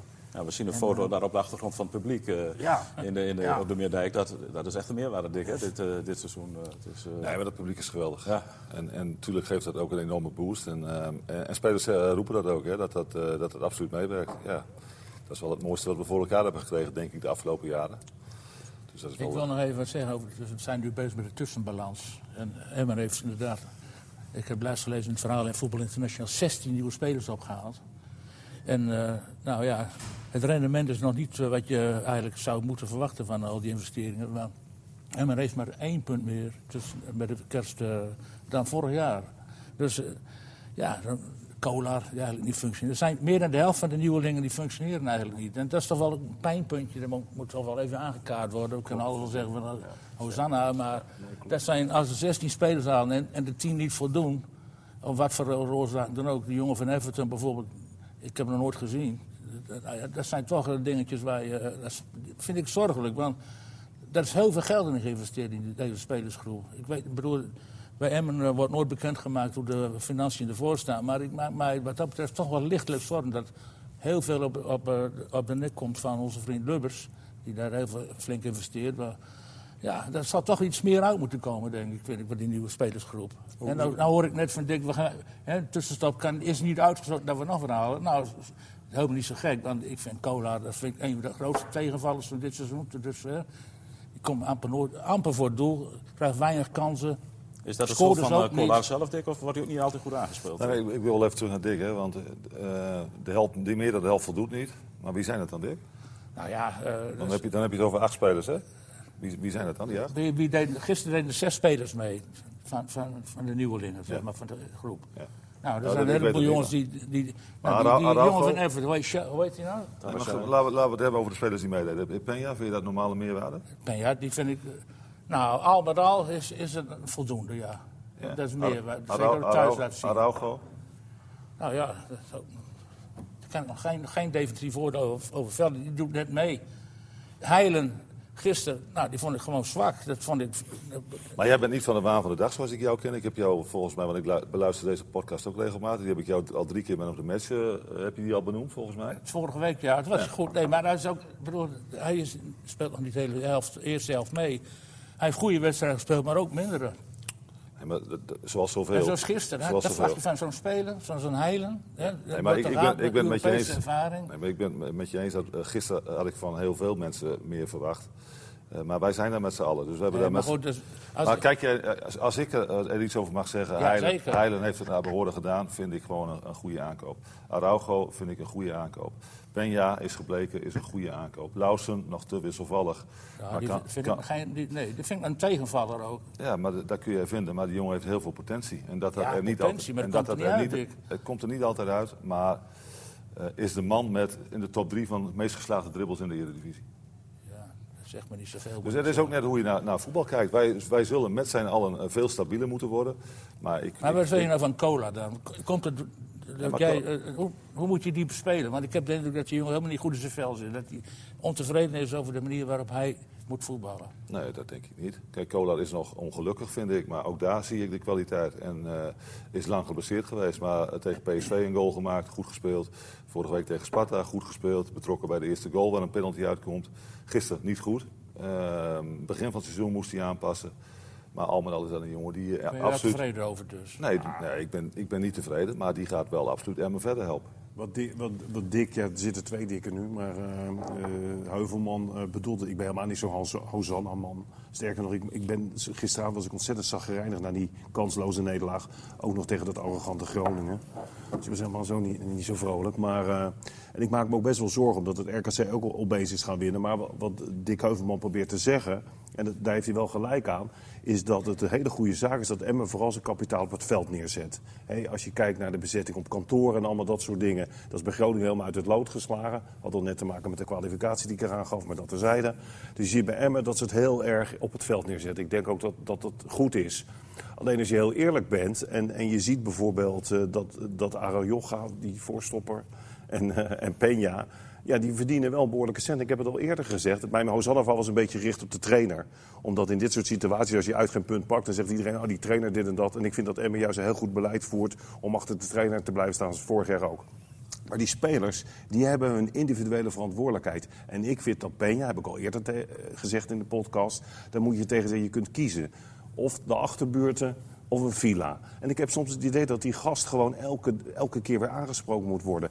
Die jongen van Everton, daar zijn heel veel misverstanden over. Ik moet eerlijk zeggen dat ik in het begin ook dacht... goh, iemand van Everton, dat zal een hele goede speler zijn. Nou, Niels heeft ook een aantal keren uitgelegd dat het niet het geval was. En dat heeft Lubbers ook een keer gezegd. Maar het wekt wel verwachtingen. En als je nu kijkt, 18 uit 18 past misschien wel bij Emmen... maar je ziet welke investeringen er gepleegd zijn in de spelersgroep... dan zou je toch wel gehoopt hebben dat ze vijf, zes punten meer hadden... en een beetje gelijk met Groningen op zouden lopen. Ik denk een beetje dat je dat... Ja, dat is het verhaal wat ik eigenlijk ook eh, eh, wil eh, vertellen. Over Komt er te het weinig rendement uit? Dick, de eerste Ja, maar als, al? als ik daar terug... dat- ik, ik vind dat niet heel reëel. Kijk, je moet volgens mij reëel naar ploegen kijken. En dan eh, vind ik het niet reëel om Emmen met Groningen te vergelijken. Groningen is een structurele bespeler van het linkerrijtje. Eh volgens mij de afgelopen tien jaar één keer niet in het linkerrijtje gekomen. Onder Pieter Huistra was veertiende. Maar daarvoor steeds in het linkerrijtje. Hebben een hogere spelersbegroting. Zijn veel meer gewend aan de Eredivisie dan dat wij dat zijn. Eh, het tweede jaar is moeilijker, wat ik net al zei. Wij hebben daarop eh, geanticipeerd door veel nieuwe spelers te halen die meer kwaliteit hebben dan, vinden wij, dan de spelers die we vorig seizoen hadden. Dat vraagt ook weer bouwen. Eh, dat vraagt tijd. En, en ik moet Paul ook wel gelijk geven, als je meer kwaliteit binnenhaalt, die jongens moeten zich ook gewoon sneller aanpassen. Maar feit is dat het niet gebeurd is. En dan heb je 18 uit 18. Ja, dat is wel een beetje mijn verwachting. Ik had gehoopt misschien twee, drie puntjes meer. Maar hier kun je volgens mij, eh, daar moet je ook mee leven, maar dat is wel zoals het is. We, op dit moment bivakeren wij in een, in een, eh, ja, met, een, met een club of zeven, denk ik, die nog naar die onderste drie plekken moet kijken. Dat had anders gekund als we drie, vier punten meer had- hadden gehad. Maar ik vind het niet heel reëel om te zeggen dat dat had gemoeten. Maar hoe blij ben je dan met de winterstop? Dat je eraan kan bouwen? Ja, Of is het tekort? Nee, maar je bouwt iedere week. Kijk, eh, en nu, waar ik blij mee ben, is dat je... Je moet niet onderschatten wat het met onze spelers doet. Hè. We hebben natuurlijk nog steeds een groot aantal spelers... die, die iedere week wel richting de top van hun kunnen moeten. Dus dat, ja, dat vraagt ook energie. En, en als je er even bij kunt denken, eh, met familiedingen kunt doen, is dat altijd goed. Maar het is heel kort, het is elf dagen en die batterij moet snel vol. Dan gaan we naar Spanje om weer bij te tanken. En, eh, en ja, dan moeten we nog 16 keer vlammen. En ik denk als we een punt gemiddeld halen, dat we er weer in blijven. En ik hoop dat het sneller gebeurt dan het afgelopen seizoen. Eh, Even een rondje doen. Niels, begin ik even met jou. Wie vind jij de speler van het seizoen tot nu toe? Michael de Leeuw. Ja? Ja, ja die, die, die, die gaat voorop in de strijd. Eh dat hou ik gisteren een beetje buiten beschouwing. Maar die jongen, ja, ik vind hem reëel, ik vind hem eerlijk. Ik vind hem altijd precies de juiste dingen zeggen. Ik vind hem in het veld eh, ja, een verlengstuk van een trainer. Dat is altijd zo mooi. Maar dat is hij echt. Hij gaat voorop in de strijd. Hij maakt zijn goals. Is topscorer geworden van 2019. Met negen goals. Zal misschien wel meer hadden willen maken. Had hij misschien ook wel kunnen doen. Maar nee, dat is voor mij echt de man, of, man van het seizoen. Tot nu toe. De Leeuw. Eén Ja. streepje voor de Leeuw. Ja, ik vind, ik vind ook de Leeuw. Ik vind niet dat hij eh, qua kwaliteit hoort hij niet, eh, misschien niet eens bij de beste spelers. Maar eh, in, in zijn totaalplaatje, en waar je denk ik als, als trainer eh, ja, altijd naar kijkt. En eh, wat voor energie hij aan een elftal geeft. Eh, wat voor, eh, in, in, het, in het verdedigen natuurlijk even gisteren buiten beschouwing gelaten. Want gisteren was hij ook ver onder de maat. Maar ik vind het wel een, eh, ja, een heerlijke speler qua, qua energie wat hij aan het elftal geeft. Eh, hij neemt mensen mee in, in het verdedigen, maar ook in het aanvallen. is gewoon 90 minuten bezig. En je ziet gewoon... Die zou jij ook als eerste op het lijstje zetten. Ja, Ja. absoluut. Ja. De Leeuw, twee streepjes. Komt er een derde bij, Antoine? Ja, vind ik wel. Zeg maar, want dan ga je gewoon kijken van wie, wie presteert het meest constant. En eh, ik denk dat iedereen wel over eens dat misschien Peña eh, wel de meest getalenteerde is. Alleen ja, hij levert ook gewoon heel vaak niet. En met name uitwedstrijden. En dan kan je af en toe wel een hele mooie goal maken en eh, een bal en, en een verschrikkelijk goede paas geven. Alleen ja, ik vind dat wel te weinig voor zo'n speler. En De bandbreedte is te groot, hè? Tussen ja, veel te groot. Maar dat moet, dat, en, dat, en dat ben ik met Dick eens. Dat moet ook uit zo'n speler zelf komen. En daarom zeg ik, als je dan ziet naar de Leeuw, eh, wat hij allemaal heeft meegemaakt. eh, en wat hij dan nu nog zeg maar, brengt en in energie over het algemeen in de wedstrijden legt, zowel uit als thuis. Dan denk ik dat, eh, dat dat wel een van de meest constante factoren is zeg maar, op dit moment. Ik kom als laatste bij jou, de- Dick, terecht. Ga ik even naar Heuvelman toe, de andere Nee, jij Dick. mag niks zeggen. Maar ik, uiteraard, ik ben vaste podcastluisteraars weten dat ik heel gecharmeerd ben van Michael de Leeuw. Ja, van het begin En eh, van het begin af aan. En dat is een, een trekpaard van Emmen. En eh, ja, mentaal geweldig. eh, hoe- als je hem soms ziet, een, een afgeslagen aanval, hoe hij er maar naar achteren rent om, om de boel weer eh, daar op orde te zien. Maar hij scoorde toch te weinig? Ja, Die ik vind een geweldige speler. En hij heeft ook scoren die vermogen. Wat minder dan bij FC Nee. Groningen. Daar, ben ik met, hè, daar heb ik een keer met Niels een dispuut over gehad. Dat zou jammer Maar dat is hij Als nu hij dat wel. nog een Dat is beetje hij- optrekt. Dan, Maar dat is eh, inmiddels wel, toch? hè? Hij heeft inmiddels wel weer dat niveau. Ja, hij, het is zoals de manier waarop hij zijn RKC scoort bijvoorbeeld. Dat zijn geweldige de leeuwmomenten. Ik hoop dat dat in de tweede helft nog een beetje vaker gaat gebeuren. Want eh, ja, ik vind, nogmaals, eh, de Leeuw is voor mij absoluut Ja, de, de man voor, de, voor het eerste seizoenhelft. Hij heeft ook een van de moeilijkste posities om die ploeg op sleeptouw te nemen. Hè? Ja, van vooruit natuurlijk. Ja. Ik bedoel, dus, Alhoewel eh, Anko Jansen dat vorig jaar ook natuurlijk ook van de, voorste posities deed. ja, maar Anko die heeft wel die kwaliteit dat hij zich ook nog helemaal terug kon laten zakken en dan van daaruit zijn stempel kon, kon Gisteren was hij niks drukken. hoor, de Leeuw. Dat moet, ook, Ja. ja. was de, een- de eerste wedstrijd dat je helemaal Ja. Maar dat vond, hij, dat vond hij zelf ook. Ja. Ik ben benieuwd of Jan, eh, Jan Korter iemand anders eh, nomineert. Wat vind jij ervan? Hij, eh, de Leeuw is altijd de eerste die zelf aangeeft hoe hij heeft gespeeld. En dat is ook altijd reëel. Dus eh, ik sluit me ook wel aan bij, eh, bij de vorige sprekers. Ehm, maar ik vind dat eh Bijl ook heel dichtbij komt. Ja. En eh, want als je het nou hebt over eh, opportunistische spelen en eh zoom brengen in het team... Ja, dan is eh Glenn, die staat ook wel heel hoog. Dat heeft het team ook veel aan gehad eh, door het vele opkomen. Helaas gisteren niet. Eh verdediger stond hij wel goed. Ehm, ja, en, en eh, weet je, eh, die, die kan nog veel meer. Als Ja. dat in je zit, het juiste moment opkomen, het juiste Wel moment af en toe van die spelen, momentjes dat hij heeft zichzelf vergeten. Hè, met die, hij heeft af en toe Ja, hoor ook bij overtredingjes. hoor ook bij hem. Ja. Maar Het blijft de Leeuw, maar Bijl komt wel dichtbij. Ja. Eigenlijk allemaal- nou, zal Denk een andere keuze maken. Nee, ik maak zeker een andere keuze. Want Dick, kan Heu- Dick, Dick Heuvelman en ondergetekende hebben meteen al onderkend wat de meerwaarde de leeuw was. Dat had niet iedereen meteen door. Maar ja, Niels- dat weet Niels je. dat heeft met? Nee, dat ervaring, dat heeft met ervaring te maken. Eh, maar en ik, de leeuw die heeft echt bij mij een warme plek in mijn hart gekregen. Want ik vind ook echt dat hij zich manifesteert als echt de MS-speler. Maar het is echt Glenn Bell. Als je praat over die eerste seizoen zelf, is het echt Glenn Bell. Als je kijkt hoe beslissend hij vaak geweest is in thuiswedstrijden. Hoe hij de boel al in zijn, op zijn plek op sleeptouw neemt. Waar hij constant de dreiging heeft. Tegenstanders stellen zich er zelfs al helemaal op in om hem te stoppen. Waarbij ik denk, misschien moet je dan, krijg je weer ruimte op andere kanten. Ik vind echt, en wat de Bell ook heeft, ik ken hem niet persoonlijk. Hè, maar misschien is hij wel een heel nare jongen, ik bedoel, dat, dat weet ik niet. Maar in zijn, in zijn voetbal, want ik heb soms, wat bij hem het risico zou kunnen zijn... maar dan ga ik een beetje psychologie bedrijven vanaf de zijkant... is dat hij misschien iets scherper nog voor zichzelf kan zijn... en dat hij misschien soms denkt dat hij er al een beetje is. Maar dit is gewoon een observatie van buiten en misschien slaat het nergens op. Maar als die jongen gewoon doet waar hij goed in is... dan kan hij volgens mij nog een etage hoger spelen. Eh, Dick, we hebben eh, eh, zes keer de Leeuw. Eén keer eh, Glenn Bell. Ja, maar ik, Mag jij ook een keuze Ja, maken? nee, maar ik snap het wel, want die twee, eh, ja, daar kom ik eigenlijk ook bij terecht. En de Leeuw eh, als ultimate teamplayer, met als voorbeeld vorige week het eh, verhaal rondom die penalty. Maar, maar Glenn heeft ook een, tot nu toe een geweldig seizoen. En ik ben het volledig met Jan en Dink eens. Weet je, als hij nog een, stapje erbij kan doen, want ik vind hem af en toe nog... eh, hij, hij gokt iets te veel nog aan de niet-balkant met name. Als wij van links naar rechts spelen, dan, dan is hij goed. Hè? Dan komt hij en dan is die wisselwerking met eh, Nicolai goed. Maar je moet ook af en toe herkennen dat we links in de problemen zijn. En dat je iets wat aan de binnenkant moet spelen. En, en ehm, hij pakt te veel kaarten. Maar als hij dat een beetje in, eh, in toom krijgt, dan is het een hartstikke bruikbare speler voor heel veel clubs in de Eredivisie. Dus ik ben heel blij dat hij bij ons speelt. Eh, En, en wie moet voor jou de speler van de tweede seizoen zelf worden?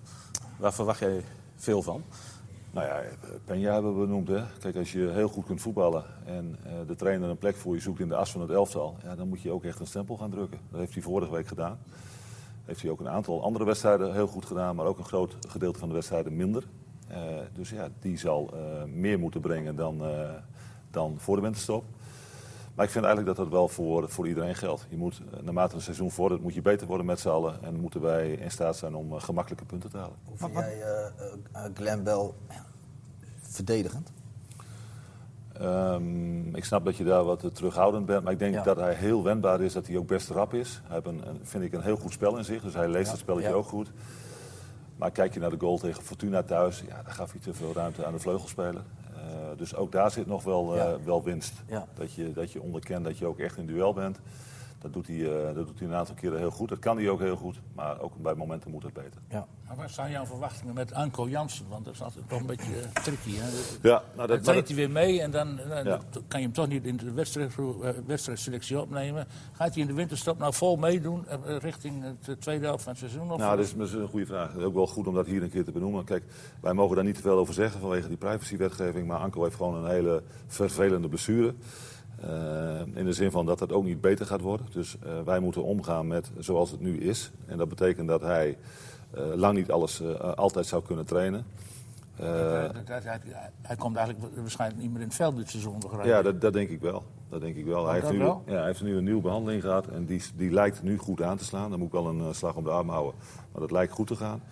En als we dan door kunnen bouwen, dan gaat hij ook weer wedstrijden spelen. Alleen, hij zal niet alle 16 spelen. En hij zal ook niet elke dag van de week kunnen trainen. Dat, dat is zoals het is, daar moeten we mee omgaan. En proberen om hem weer... eh, Maar is er ook, eh, als het over dit jaar heen til, is het dan voor volgend jaar gaat het precies hetzelfde weer? ja, Dus eigenlijk heb je er niet zoveel meer aan. Jawel, je, je kunt er best veel aan hebben. Alleen je moet dat, wij moeten een balans zien te vinden tussen belastbaarheid en, en, eh, en wedstrijden. Ja. ja. En, en er zijn meer mensen die met, eh, die met ja, fikse, pittige blessures wel nog heel lang een carrière hebben kunnen rekken. Dus ik, ik heb goede hoop dat dat bij Anko ook kan. Alleen, ja, dat kunnen we uiteraard niet met zekerheid zeggen. Het, het was wel volgens mij wel het moment van, misschien wel de eerste seizoen zelf, toen hij vlak voor tijd tegen Vitesse erin kwam. Ja. En, en bijna siddering door de, door de, door de Oude Middijk. Ja, maar dat was fantastisch. En, en nogmaals, het publiek is geweldig. Eh, Echt de complimenten daarvoor. Die hebben ons ook eh, bij Tijd en Weilen eh, ja, gewoon over hele moeilijke momenten heen geholpen. Ja, en Anko is een publiekslieveling geworden. En hoe is het met Tarasjai? Nou ja, is een beetje hetzelfde verhaal als hoe Anko binnenkwam. De jongen heeft twee jaar niet gespeeld. Ehm, eh, ging drie jaar geleden was dat, hè? Ja, drie jaar geleden met de EK-selectie van Zwitserland mee naar de EK. Alleen wij wisten ook toen we hem binnenhaalden dat dat een, een langdurige kwestie zou zijn. Ja, dat heeft iets langer geduurd, eh, want we zijn een half jaar verder, heeft nog veel te weinig rollen gehad. Maar wel een hele goede speler. En is niet iemand die heel zwaar op de loonlijst drukt. Eh, wordt voor een groot gedeelte door Everton be- bepaald en, en betaald. Dus wij, wij kunnen daar eigenlijk niet zozeer een bijl aan vallen. Alleen we hopen natuurlijk wel dat hij snel fit is, omdat hij ook aan- in aanvallend opzicht echt iets kan betekenen. Is dat nou de blessure, heeft hij? Of is Ja. hij gewoon niet fit? Op blessure? Nee, hij komt vanuit een blessure. Eh, twee pittige blessures gehad, dus daardoor twee jaar niet kunnen voetballen. Ja, da- en dat vraagt gewoon nu zorgen dat hij langdurig op het veld staat, dat hij daar weer een beetje doorheen komt. Ja, en ik hoef jullie allemaal niet uit te leggen, als je twee jaar geblesseerd bent, dat daar ook wel even wat Ja. tijd overheen gaat. Die uh, Penja, hè, want daar hebben we het veel over gehad. Hoe is het met zijn besef? Want het woord besef hebben we denk ik wel vaker benoemd in deze podcast. Met name de buitenlandse jongens, die nieuwe jongens. Beseffen zij wel wat er komt kijken bij nou ja, het moeten presteren bij een club als Emmen. Het gaat niet vanzelf. Er moet vaak wat meer geleverd worden dan simpelweg eh mooi voetballen. En dat kunnen ze thuis heel goed. Alleen beseffen ze zelf dat ze door de ondergrens zakken in uitwedstrijden. Dick? Ja, Zeggen ze dat ook? ja. Of moet jij het ze vertellen? Ja, soms wel. Maar eh, het, het zijn best wel eh, zelfkritische jongens hoor. En eh, we hebben het daar natuurlijk vaker over gehad. Hoe kan dit nou? Ja, ja, probeer daar maar eens de vinger op de zere plek te leggen. Dat is gewoon heel lastig. Want ik heb ook wel eens gezegd, nou, die Nicolai Lausten, die zou je wel af en toe van het veld willen trekken aan zijn oren. Van, Ja, maar hij- volgens mij Nico- kan die jongen zo goed voetballen. Nee, maar kijk, dat is ook mooi dat je dat zegt. Kijk, Nicolai heeft een houding dat het hem allemaal geen klote interesseert. Maar neem nou van mij aan dat het een kerel is die gewoon iedere dag beter wil worden. Eh, en dat hem dat niet elke dag lukt. Ja, hij is 20 jaar hè. En als hij dat had gehad, ja, dan hadden we hem waarschijnlijk bij PSV het eerste gezien. Wij zijn FCM, wij mogen nooit eh, vergeten waar we vandaan komen. En wij mogen ook niet denken dat wij kant-en-klare spelers hebben.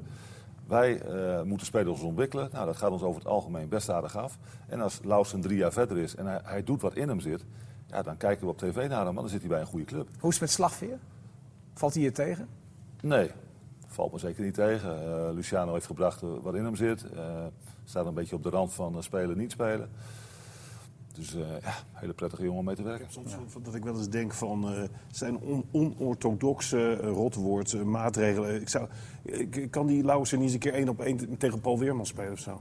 Nee, maar ik, weet je, ik, ik, ik, ik, ik snap, ik geloof oprecht dat die Lauwersen wel, dat die jongen er echt alles aan doet. Ik heb hier wel eens in de podcast gezegd, misschien moet hij toch eens een keer een paar middagen ook op zijn rechterbeen gaan trainen. Dat je niet altijd weet dat hij naar links gaat.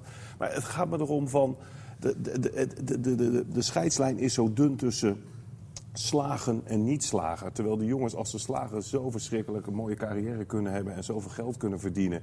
En je, iedereen die iets van voetbal weet, ziet natuurlijk dat die Lauwers zijn capaciteiten meebrengt die goud waard kunnen zijn.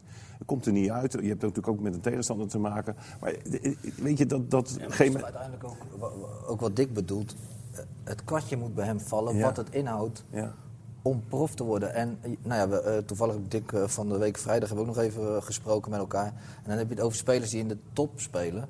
Ja, als jij een stap wil maken in je ontwikkeling en je wilt naar de subtop, en dat zegt al subtop, dan moet je gewoon vaker, ook in uit, moet je goed zijn, uit en thuis. Dan moet je het continu brengen. En dat is het moeilijke van het spelen in de top. Die gasten brengen dat continu elke keer weer. En bij hem zal het besef zelf moeten komen. heb je niet het idee dat hij echt te vol voor gaat. Ja, maar dat doet- zal hij ongetwijfeld wel doen. Duels, dan laat hij zich aftroeven. Nee, maar kijk, jullie worden betaald. Tenminste, neem ik aan hier. Nee, dus aardig worden betaald als analist. omdat, omdat, Jij wel, maar de Niels rest Zie je, wel. zie je? Alleen ik word goed. Het glas is... om dat te beoordelen. Maar weet je, ehm eh, Twans had in, het- in de tijd van Groningen dat Suarez kwam. Nou, die heb ik nog zijn eerste wedstrijd zien spelen tegen Jong Veendam. Hij raakte geen knikken. Het heeft drie maanden geduurd. Ik heb met Virgil van Dijk mogen werken. Het eerste half jaar bij Groningen zat hij bij mij wissel bij het tweede. Weet je, eh, geef in godsnaam jeugdige talenten ook de kans. En ik, ik, ik snap wat je zegt, denk. Eh, je wilt altijd zien dat ze, dat ze peper in hun reet hebben. Ja, bij de ene gaat het wat sneller dan bij de andere. Eh, had hij peper in zijn- reet gehad, luisteren, dan hadden we hem niet eh, bij Emmen gehad. Zo Nee, maar je, hebt natuurlijk ook trainers die, die eh, spelers heel veel kansen geven. Dat doe jij echt. Eh, je, hebt ook je hebt ook trainers die zeggen van... Goh, soms haal ik hem een keer voor de rust al naar de kant. Dan geef ik hem een soort signaal. Hè? Ja, Maar daar ben jij niet zo, ben, ben jij niet zo van. Drie corners slecht nemen en je wordt Nee, maar, maar, maar goed, daar ben jij niet van. Nee, maar dat, ik, dat is toch ook... eh, Nee, maar ik zeg niet dat je dat moet doen. Hè? Nee, ik, maar ik geloof er ook helemaal in. Ik vind psychologie van de koude grond. Eh, sterker nog, als, als mij dat als speler zou overkomen, zou ik denken: wat ben je nou voor een eikelman trainer? Moet, en dan moet ik de volgende week voor jou eh, een kilometer extra lopen. Ja. Dat werkt ook maar één keer, Nee, nee, maar, maar dat, ik bedoel, het is niet zo dat hij dat van mij moet doen. Nee, Ja, en het ligt ook aan je situatie van de groep natuurlijk. Eh, Als jij, als jij twee heel gelijkwaardige spelers op een gegeven moment hebt... en die het ook ook bij elkaar continu op de training moeilijk maken... Ja, zou je misschien ook makkelijk een keer zeggen van, joh, eh, nu even niet. Want, nee, want, eh, eh, dus Nee, iedereen dat- krijgt kansen genoeg. Dat is gewoon jammer dat, eh dat Anko niet aanwezig Nee. is. Maar je hebt zo'n type wel nodig in het veld. Ja. Kijk, Dick zit aan de kant. Maar het is mooi dat er iemand eh, in het veld staat die, eh die zijn Maar ja, dat zag je rondom Ja. Vitesse wel, dat hij ook op de training belangrijk is. Hè? Hij neemt bijna een deel van de taken van jou aan eh, in het veld. Ik kan me nog herinneren dat hij een aantal spelers even op de Ja. plek zet. Ja, maar dat is, voor, dat is ook ideaal voor Dick natuurlijk, dat je zo'n speler hebt. Ja, maar dat is ook wat je zoekt als trainer. En, eh, Paul is trainer, Jan is trainer ge- geweest. Eh, weet je, uiteraard maakt dat je werk wat gemakkelijker. Alleen, ja, het is in de tegenwoordige tijd is dat wel wat anders. Dat, Maar staat Lausen wel op een, op een soort splitsing van eh, de top halen of eh, op een minder niveau? Ja, maar weet je, voor hem zijn de komende maanden slash jaren wel belangrijk. Om, om jezelf in de markt te zetten, ja of nee. Want ik kan me goed voorstellen dat scouts kijken en denken, hey, je kunt goed voetballen. Maar je laat het niet elke week zien.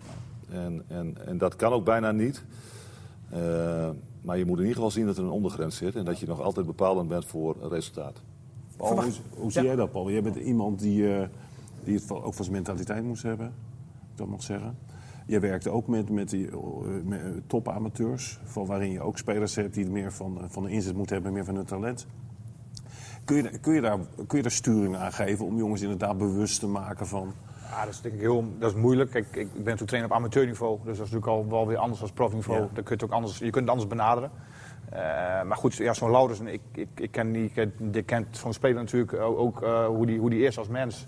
En dat is natuurlijk van de buitenkant heel moeilijk. Uh, ik, ik, ik hou er altijd niet zo van. En hoe iemand een, een, houding iemand heeft, daar wordt ook vaak een etiket op geplakt. Ja. En, en bedoel, daar had ik zelf vroeger als speler ook last van. Dan ben je ja, groot en dan ben je slungelig. Dat is net als altijd met Arias. Die, die, uh, als het niet loopt, dan is hij in één keer traag en dan is hij in één keer dit.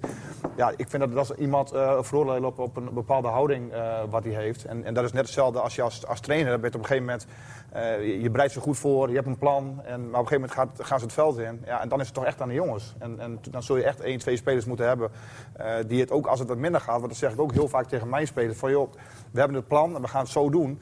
Alleen ik voel niet hoe jullie het in het veld voelen. Kijk, in het veld kun je op een gegeven moment best voelen dat, het, dat de afstanden niet kloppen, dat je iets anders moet doen. Ja, en dan is het handig dat je een, een, een speler in het veld hebt die dat even, uh, die zegt van joh, we doen het even ietsje anders om, om, om even weer bij elkaar te komen. Om vanuit daaruit weer, uh, weer, weer, weer stappen te maken. En, en dat is net zo, en dat is in het amateurverband nog veel erger dan in de profs. als je verliest, dan wordt altijd gezegd van ja, de tegenstander, dat zie je vooral op amateurniveau, ja, de tegenstander die deed er meer voor en die werkte harder. Yo, ik vind dat zulke onzin, want uh, geloof mij nou, die spelers, uh, of het nou van M is of van, uh, of van Staphorst of weet ik veel, iedereen doet normaal gesproken altijd zijn stinkende best. Alleen je weet zelf ook wel, als ervaring als speler, soms heb je ook wedstrijden gespeeld, dan heb je het snot voor ogen gelopen, je hebt een slag eronder gelopen, je hebt, je hebt meer gedaan dan ooit, maar je bent gewoon totaal niet in de wedstrijd geweest. Afstanden kloppen niet. Ja, en, en dat is, probeer dat als trainer, maar tijdens de wedstrijd is dat, is het bijna niet te doen. Uh, Niels, je had een vraag volgens mij uh, binnengekregen. Nee, komen nog misschien wel uitgaande transfers uh, komende winter? Jan, bijvoorbeeld? ja, dat was een goede blik. Ja. Ik, uh, mogen de spelers weg? Ik, er mogen altijd spelers weg. Tegen een uh, goede vergoeding is ja. alles bespreekbaar. Nee, maar, maar zitten, er, zitten er een paar spelers in de selectie waarvan je denkt van... Goh, nou, ik, moeten we feitelijk kwijt? Ik, nee, nie, niemand hoeft weg. Maar ik zou me kunnen voorstellen dat als je weinig aan spelen toe komt... dat je zelf aan de bel trekt van... Uh, hey, zou ik naar een andere club kunnen? Marines? Ja, hij is veel geblesseerd geweest. Maar uh, dat zou een optie kunnen zijn. Maar zo'n speler moet dat zelf willen. Ja, als hij zelf nog kansen ziet om, uh, om, om zich in de basis te spelen bij Emmen, ja, dan, dan kiest hij daarvoor. Maar word jij maar, veel gebeld voor spelers? Van andere nee hoor, nog niet. Nee. nee, dat moet nog, ook nog loskomen natuurlijk. Hè? Die, die transferperiode van uh, Dick Advocaat, die zei, hoor, iedereen die niet naar zijn zin heeft mag weg. Ja, dus zo moet het ook zijn, denk ik. Ja, ja. zo is het ook. Kijk je nog naar, naar, naar spelers die uh, vorig jaar bij FCM zaten, die op dit moment weinig aan spelen toekomen? Nou, wie denk je dan? Nou, bijvoorbeeld uh, Hilal Ben Moussa. Ik weet dat hij nog bijna terugkwam. Dat was aan het einde van de transferperiode. Dat heeft hij toch bijgetekend, of in ieder geval een contract ondertekend, geloof ik. Um, ik weet dat Kavlan niet heel erg veel speelt. Nee. En die was wel goed, hè, die Kavlan? Ja, Kavlan was, uh, was wel goed. Ja, was, was best een bruikbare speler. Ja. Maar, maar, maar, zijn dat interessante jongens? Ga je er nog mee praten? Is die optie er überhaupt? Nou ja, uh, is die optie er in eerste instantie niet. Ja, en, um, ik hoor hem maar. Ik, ik, nee, maar, nee, maar je moet altijd wel openstaan voor als er, als er mogelijkheden zijn. Nou, maar ik weet dat Hilal Ben Moussa zei... ik wil eigenlijk wel meer bij de hangende pootjes terug. Ja. Hoe dat inmiddels is hoor, maar dat, dat was toen wel duidelijk. Ja, nou ja, Ben Moes is een goede voetballer natuurlijk. Eh, die heeft het goed gedaan vorig jaar. Heeft gekozen voor een buitenlandse club. Eh, daar heeft hij mislukt, wel spijt van. Ja. Ehm, maar aan de andere kant, eh, kijk, Dick is ook heel tevreden met de selectie. Hè? En, Je moet er niet te veel hebben, dat kwalitatief, kwalitatief vergeleken met vorig jaar, vorig seizoen, zijn we er gewoon op vooruit gegaan. En vorig jaar was het een sterker collectief in uitwedstrijden. Hè, maar daar hebben we wel veel meer punten gepakt. Eh, maar het sterke collectief, dat is nu alleen maar thuis. Maar daar hoef ik niet te veel de nadruk op te leggen. Maar het gaat er ook om dat al die individuen, dat je, dat je daar nog een sterker collectief van maakt. Kijk, en dat Laudersen zich beseft dat hij, eh, dat hij bij balverlies meer moet doen. Of dat die kosten van alles in balbezit moet blijven. Dat geldt gisteren ook voor De Leeuw en voor eh Cola. We hebben weinig ballen vastgehouden. Om complimenten te geven voor Arias trouwens. Hebben we het nog niet over gehad, jongens. Arias in deze podcast. Gelukkig, gelukkig begin jij erover. Ja. Nou, kom op met je. Nee, maar Arias, vorige week, eh, eh, dan heb je spijt dat je hem laat invallen. Of eh, eh, VVV uit, moet ik zeggen. En RKC En, ook trouwens. en dan verwacht je toch van meer balbezit.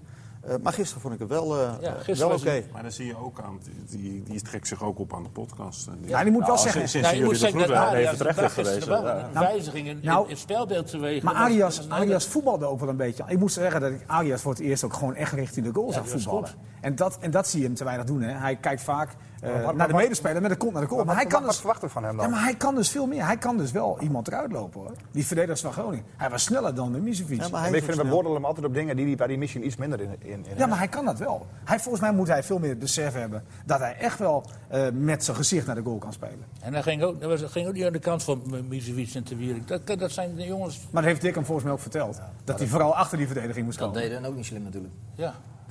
Die, die gingen tegen hem aanlopen. Ja, da- dan weet je, dan moet je van goede huizen komen en wil je hem van de bal aflopen. en dat zag je ook wel, want eh, dat won hij ook gewoon allemaal. Wat je ziet bij hem, alle gekheid op een stokje. Ik, ik heb het ook al eerder gezegd dat ik heel veel bewondering had toen hij die hele verschrikkelijke ervaring meegemaakt had met het national team.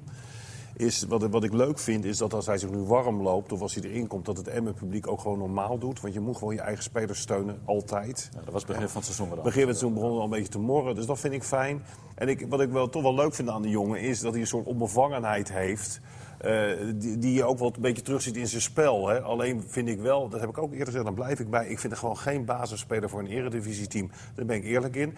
Dat hij als invaller iets kan brengen om een bal vast te houden. Of even de- de- ja, zijn gewicht letterlijk ook in. Dus, ja, zoals gisteren vond ik wel dat hij goed inviel. Alleen het is toch net dat laatste tikje, weet je, dan heeft hij weer die Het is kans. geen scorende Nee, spits.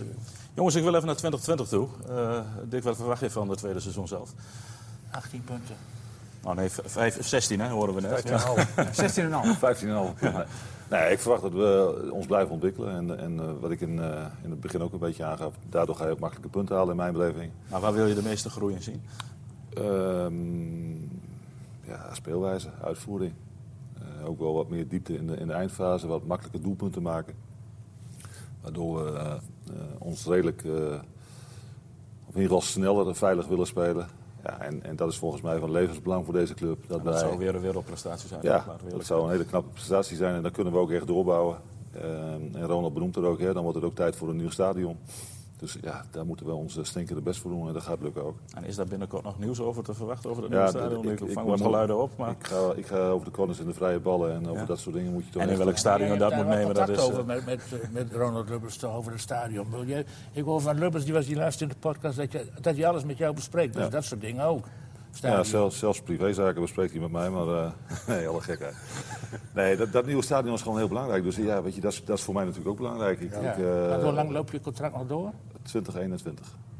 En dan moet het nieuwe stadion er staan. Wil je nog verder gaan? Anders zit er rek. Ja, weet je, de- ik werd daar eh, in de vorige podcast bij Noord ook over gevraagd. Ik, ik vind het nou dan, als je nog anderhalf jaar contract hebt om, om over je eigen ambitie te hebben, dat slaat nergens op. Ja, dat doen wij wel. zijn wij voor. Ja. Nee, ik heb het prima naar mijn zin. En, en eh, kijk, ik ben een ambitieuze kerel en ik wil mezelf blijven ontwikkelen. En ik denk dat dat eh, nu hand in hand gaat met de club Emmen. Ja, en, en dus wil ik ook dat die club iedere keer weer die ambitie blijft tonen. En daar is dat stadion wel redelijk cruciaal in. Als, als, de rekker, als de rekker uit is, ja, dan, dan is het logisch Dat is toch? de belangrijkste vraag voor 2020. Komt er een nieuw stadion? Ja. Als je kijkt naar het perspectief Ja, van de Maar jij, jij zegt, je vangt er wat van op. Ja, ik heb wat, eh, wat, wat, dingen, wat heb je gehoord eh, dan? wat dingen gehoord dat de provincie wel eh, wil participeren in een nieuw stadion. Dat de gemeente, nou ja, dat weet ik ook wel, de M heeft... eh, Er is niks op dit moment. En ik denk dat het heel belangrijk is hoe snel staat het er dan. En wat En- kan je in de tussentijd doen? Wanneer gaat de het- eerste om het paal van de Dick Lukien Arena de grond in, is dan eh, de Ja. vraag. eh. Ja, maar ik denk dat ook voor hem, ik bedoel, eh, dan, ga ik gewoon eh, zeg maar praten hoe ik er toch tegen kijk voor voor hem. hem? Uiteraard. Nou ja, ik wil net zeggen, ik bedoel, hoe knap is het als jij, eh, stel eh, ze blijven erin, zeg maar, waar we allemaal van uitgaan. Hoe knap eh, is dat die presta- prestatie en hoeveel rek zit er nog meer in, zeg maar, op dat vlak? Ja, maar het wordt als heel vanzelfsprekend eh Ja, ja, beoordeeld. Ja. Oh, Emma blijft er wel in, maar, Maar, maar ook, vanzelfsprekend eh, is dat ook- ook niet. ook voor Dick zelf, denk ik, in de zin van, eh, die zal zich ook willen door blijven ontwikkelen en groeien en uitdagingen hebben. Wat, je ook zal, zal- wat hij ook zal moeten hebben natuurlijk. En eh, ja, misschien eh, stelt het stadion eh, valt straks tegen eh, dat het langer gaat duren. Maar ja, en er, er komt iets, dat, eh, iets, iets moois voorbij. eh, waar je een mooie stap kan maken. Ja, waarom dan niet? En dan moet, dan moet iedereen hem dat ook gewoon gunnen. Want eh, de manier hoe hij zich presenteert, ook over Emmen, bij- of het goed gaat of slecht gaat, is gewoon prima. Maar ik, ik zou hem wel graag persoonlijk op een bepaalde termijn ook ja, in een ander gedeelte van het land bijvoorbeeld werkzaam zien. Kijken hoe hij daar eh, gaat doen. En ik denk ook persoonlijk eh, als trainer misschien dat het wel een hele goede Nou, jij komt uit. Rotterdam, eh, past hij bij Nou een club in het Westen? Nou ja, qua, qua ge- gedrag van doen maar normaal en hard werken past hij prima in het, in het Rotterdamse, zeg maar. Alleen ja, daar zijn soms ook jongens wel eens wat gebekter en allemaal. Nou, nou, nou, ik denk dat, dat je als trainer zeg maar, dat ook weer een hele mooie leerschool, nieuwe uitdagingen geeft. Hoe je dan ja, een trap hoger je weer kan ontwikkelen. Dat, zo, zo zou ik het graag zien in de toekomst. Het stadion belangrijk dus voor 2020. Hoe, hoe- wat, wat verwacht jij? Eh, nou ja, ik vind het, eh, je hebt het over wereldprestaties als ze erin blijven, dat vind ik niet. Want Nee? ik vind gewoon dat ze, als ze erin blijven, vind ik het met de kwaliteiten die ze hebben. En ook eh, de voetbal was in thuis laat zien, even ten opzichte van andere ploegen, vind ik het heel normaal dat ze erin blijven. En zou ik het zelfs slecht vinden als ze eruit gaan. Dus ik vind het geen wereldprestatie. Want ik vind, eh, nou ja, nogmaals, wat ze thuis laten zien qua voetbalniveau, dat vind ik gewoon een, echt, een, echt een goed niveau. Eh, ja, je speelt nu op dit moment denk ik met zeven ploegen, denk ik, eh, om de onderste drie. Ik denk dat daar twee ploegen eh, van gaan weglopen, die gaan een serie maken. En, ja, en we moeten zorgen dat, dat ze daar één van zijn. En dan gaan er denk ik vijf ploegen gaan om die onderste drie plekken spelen. En je zult een keer een serie moeten maken om, om erbij weg te komen. En ik denk dat gezien, wat we gezien hebben dit seizoen... En, hoe vaker je uitverliest, hè, dan komt het ook weer, komt het ook steeds dichterbij dat je daar gaat winnen. Dus eh, één keer een serie maken, je bent er denk ik bij weg. Serie maken? Eh? Ja, het voordeel is van eh, Emmen, gemeente Emmen, is dat het een armlastige gemeente is. Maar er gebeurt van alles. Ze kopen wildlands, ze hebben een prachtig nieuw zwembad neergezet. Dus dat is het mooie. Dat maakt allemaal niet uit of ze hebben, stadion er ook bij, gewoon. En ze hebben Ja. een burgemeester. Nou, dat is gewoon een voetbalenthousiast, dus dat gaat allemaal gewoon. Maar de burgemeester Maar trekt de portemonnee nog niet, hè? Ja, het zou Ja. het mooiste nieuws zijn voor 2020 als bekendgemaakt wordt dat Emmen een nieuw stadion zou krijgen. Dat- Want dat ze erin blijven, daar ben ik wel van overtuigd. Maar dan, dan, moet, dan is dat gelijk al voor na de 2021 voor dat ik ook ook weer mooi, mooi terecht weggelegd. Nou, eh, Jan, heb jij nog eh, dingen wat jij Ja, verwacht? Laat ik, laat ik beginnen met, eh, met. Eh, die heeft het gewoon geweldig gedaan. En ik vind eigenlijk persoonlijk dat hij stappen moet maken. Maar dat zeg ik niet voor Emmen, maar hè, het mag ook met Emmen. Maar eh, ja, weet je, waarom zou Vitesse Lukien niet nemen? Waarom zou AZ Lukien niet nemen? En ik heb praat niet over VVV, maar... eh, eh, Van de week en- was het en- over, bij je. over gebektheid, hij is gebekt genoeg, hij redt zich prima. Ja. Eh, doet eh, keurig zijn woordjes, tactisch eh, goed onderlegd. Dus eh, eh, geen enkel probleem. Nou ja, en voor, voor, voor 2020, ten aanzien van het stadion, ja, dat is wel een uitdaging. eh, maar die heb je niet in 2021 of 2022. En wat Antoine ook zegt, ja, dan moet je wel kijken van hoe je, hoe je die jaren overbrugt. Kijk maar even naar Cambuur, hoe lang ze bezig zijn met een nieuw stadion bouwen. Daar komt het nu eindelijk, maar het duurt nog wel even. Nee, maar je kan dan volgens mij wel sponsors weer aan je binden. Hè? Want Ja. die, die, die moet je nu gewoon heel simpel nee verkopen. Ja, maar Zet je het- iets neer, en ook al is dat toekomstmuziek, je hebt daar iets meer aan. Hè? Dat je kan zo. wat bieden. Dat Maar dan moeten je die plannen wel zeker zijn. Ja, maar je Nee, klopt, maar dat is wel de stap die je moet maken. Dat klopt, alleen je kan, je, je kan ook tegen die mensen niet zeggen van ja, je wordt nu sponsor en je kan over twee jaar het stadion in. En in de tussentijd... eh, Nee, dat klopt, maar je maakt ze, Dus je maakt ze wel weer ja. betrokken. Nee, ja, zeker. Eh Dink? Ik denk dat op termijn, wat ik net zei, voor het perspectief van betaald voetbal in Drenthe... eh, zul je een nieuw stadion nodig hebben, wat ze bij Heracles en Almelo ook hebben gekregen. Ik wil er wel aan toevoegen, ik ben een enorme voetbalenthousiast hoor... maar ik vind wel dat we voorzichtig moeten zijn met dit soort investeringen. Ik vind dat er enorme blunders gemaakt zijn met het hele Wildlands... om de naam even te citeren van mijn collega Heuvelman. Eh, met, met idiote toeschouwersaantallen begroten. waarvan je op voorhand al wist dat ze niet waargemaakt zijn. Want je praat uiteindelijk ook wel om publiek geld. Ik vind dat er best wel wat publiek geld overigens naar FCM zou mogen. Want ik vind dat Emmen echt een hele belangrijke functie heeft. Ik wil de druk ook niet opvoeren bij Dick. Maar hij moet zich wel realiseren dat hij heel provincie Drenthe op zijn schouders meedraagt. Dus. Emmen moet er wel in blijven. Emmen moet er echt in blijven. Dat is waarom ik ook zo zit te verbijten gisteren op de bank. Ehm, nog even heel kort. eh, waarom wonnen ze nou vorig jaar veel makkelijker uitwedstrijden? Ik ben ervan overtuigd dat dat te maken heeft met dat de tegenstanders Emmen toen nog onderschatten. En dat ze tegenwoordig veel meer rekening houden met hoe, Emmen, hoe goed Emmen kan zijn. En thuis heb je ontegenzeggelijk het voordeel van het veld. Kun je me van alles wijsmaken als je elke dag traint op het veld. Je weet precies de ruimtes, je weet de snelheid van de bal als iets de grond raakt. Je ziet het gewoon terug. Bij Heracles is het allemaal net zo. Maakt niet uit, hou vooral dat veld. En Duke Lecun kan gewoon wat mij betreft een soort wenger worden. Die kan gewoon nog 20 jaar in Emmen werken. Waarom niet? Als je je constant ontwikkelt eh, in een organisatie. Als je constant ziet dat er een nieuw perspectief is. Ik heb nooit zoveel met dan weer naar een andere club. Dat lijkt op papier allemaal hartstikke leuk. En vooral in het Westen. Maar als je twee wedstrijden verliest, wat zo is de voetballerij ook wel weer. Dan, dan kun je er opeens niks meer van. Daarmee wil ik overigens de ambitie niet wegnemen. Hoor, want als Dick een goede aanbieding krijgt en hij ziet bij een club perspectief. Als je City moet- belt, dan zeg je geen nee. Nee, maar je moet af en toe ook op je bek, je moet af en toe ook op je bek gaan, want daar leer je ook van. Dus ik bedoel, maar ik, ik vind dat hij zo goed bij de club past. En ook in het straatje van hoe de club qua beleid bezig is de laatste jaren. Dat ik het doodzonde zou vinden als hij te vroeg weg zou gaan. Eh, Niels, ik denk dat wij hopen dat we volgend jaar, eh, volgend seizoen, of tenminste het tweede deel, weer met plezier naar uitwedstrijden gaan. ja. nee, ik hoop dat wij ook gewoon op dat niveau blijven werken. Want dat, bedoel, dat komt ons ook toe. Daar zijn we ook jarenlang voor gewikkeld. Ja, dat was graag voor de vraag, toch? Ja, daar, moet ik, daar geef ik Niels wel gelijk in. Eh, jongens, voordat we aan de, aan, de, aan de champagne gaan, eh, jij wil nog graag een korte vrije ronde, hè? Want eh, je hebt, je, je hebt Nou, genoten vrij- van Badder tegen Ah, dat, Rico. is, dat is echt folklore. Hoeven is niet vol- ja, dat is niet eens sport. Nee, dat is geen sport, maar je moet eens zien hoeveel van onze collega's daar aandacht aan geven. Sterker nog, ik, ik heb pas gekeken toen die gasten dan de- de- die ring inkwamen. Maar voor de tijd, jongen, zijn er volgens mij interviews geweest. Dat ze ook dan gaan vragen, wat denk je van het gevecht? Ik heb Sjaak Zwart eh, gezien, die had Ja, verstand hou, over hou, nou, hou nou op. En dan wordt zelfs in het NOS-journaal. En dan wordt er gezegd, ja, dat, er kijken wel 3,5 miljoen mensen naar. Ja, omdat iedereen maar hoopt dat het een beetje sensatie is. Dat die toeschouwers met elkaar uit de vuist gaan. Wat ook niet ondenkbeeldig is gezien het verleden.